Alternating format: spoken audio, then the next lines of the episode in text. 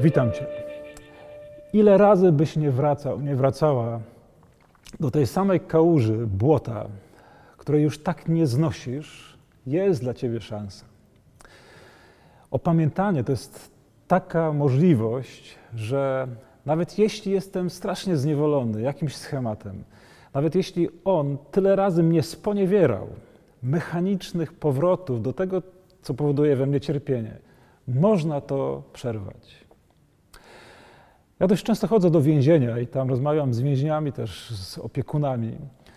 Okazuje się, że większość tych więźniów e, po jakimś czasie, po wyjściu z więzienia, wraca również do tego, co robili kiedyś. Gdy ludzie opuszczają miejsca, w których leczą się odwykowo, alkoholicy, narkomani, hazardziści, e, po jakimś czasie większość z nich kieruje swoje stopy na te same stare ścieżki, włażą w te same stare schematy. To jest w ogóle przerażające. Ludzie, którzy są czasami upodleni jakimś swoim stylem życia, stylem pracy, stylem zarobkowania, na przykład osoby, które się prostytuują, e, z jednej strony chciałyby to przerwać, ten piekielny krąg, a z drugiej strony wciąż do tego wracają. Jest możliwe opamiętanie. O tym jest ta dzisiejsza opowieść. Opowieść o kobiecie, która prowadziła e, w mieście życie grzeszne, jak mówi święty Łukasz, była nierządnicą i to znano nierządnicą. Ja sobie od razu przypominam takie sytuacje, kiedy mm, miałem możliwość porozmawiać e, drogą mailową z e, dwoma kobietami, które trudniły się prostytucją. I czuć było, że one po prostu się tak zrosły z tym, co robią, że w ogóle boją się o tym rozmawiać bo one czują, że to jest coś, co ich upadla, co je upadla. Ale z drugiej strony boją się, że się rozpadną, jeśli w ogóle dopuszczą do siebie uczucia, e, które w nich są. Bo to, co robią, jest za cenę jakiegoś stłamszenia, zgaszenia swojej wrażliwości. I każde nałogowe zachowanie wiąże się z wykasowaniem, ze stłamszeniem, ze zniszczeniem swoich uczuć. Ta kobieta z Ewangelii przychodzi do Jezusa i to, co jest niesamowite, ona przychodzi i jest u stóp Jezusa. Ciekawe, czemu u stóp, czemu właśnie stopy Pana są w centrum całej tej opowieści. I co się dzieje przy tych stopach? Ona obmywa je łzami, następnie ociera je włosami, całuje je, a potem namaszcza e, olejkiem. Olejkiem, który przynosi e, do Jezusa. Powiedziałem o tym, że ludzie boją się, że się rozpadną, jeśli dopuszczą do siebie te uczucia, które mówią: niszczysz swoje życie.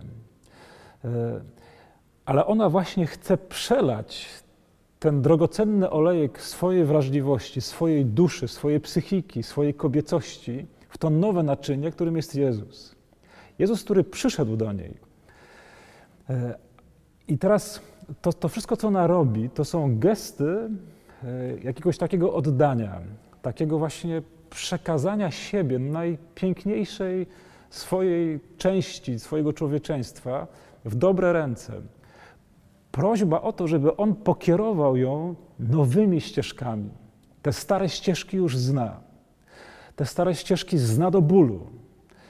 Te stare schematy działania, e, poza którymi przez tyle lat nie wyobrażała sobie życia, pragnie teraz całą sobą, aby się zmieniły. I to właśnie Jezus, który wkracza w niej świat, on może pokierować ją nowymi drogami, on może nadać jej nowy kierunek. I ta kobieta, która jest tak oceniona przez innych jako beznadziejna, jako beznadziejny przypadek, potępiana i pogardzana, ta kobieta przy Jezusie znajduje nieprawdopodobną afirmację. Bardzo często jest tak, że otoczenie już na nas stawia krzyżyk. Mówią po gościu, po imprezie. Tutaj w tle miejsca, gdzie nagrywamy, słychać dźwięki imprezy, cała ta sceneria trochę jest taka właśnie, właśnie poimprezowa. E, I wiele ludzi mówi o takich pozornie przegranych ludziach, nie są w stanie się z tego wyrwać. E, nie wierzymy w to, że się e, wyrwą. Natomiast Jezus daje nieprawdopodobną afirmację i jest w nim ogromna radość i czułość, że ta kobieta może rozpocząć nową drogę, że może pokierować swoje stopy nie na stare, ograne i niszczące ją drogi i schematy działania, ale może stać się człowiekiem, który obiera nowe ścieżki. Co to są za ścieżki? To są ścieżki miłości.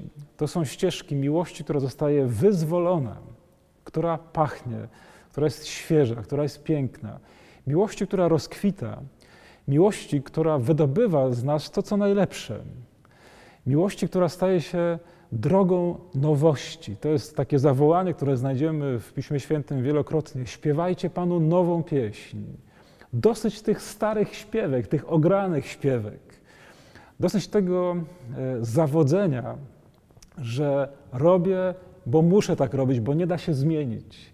Jest możliwe opamiętanie, jest możliwa nowa droga, jest możliwa świeżość i piękno, które Pan wyzwala w sercu, które wydaje się być już straszliwe, straszliwie zniszczone, straszliwie podeptane, potwornie zniewolone.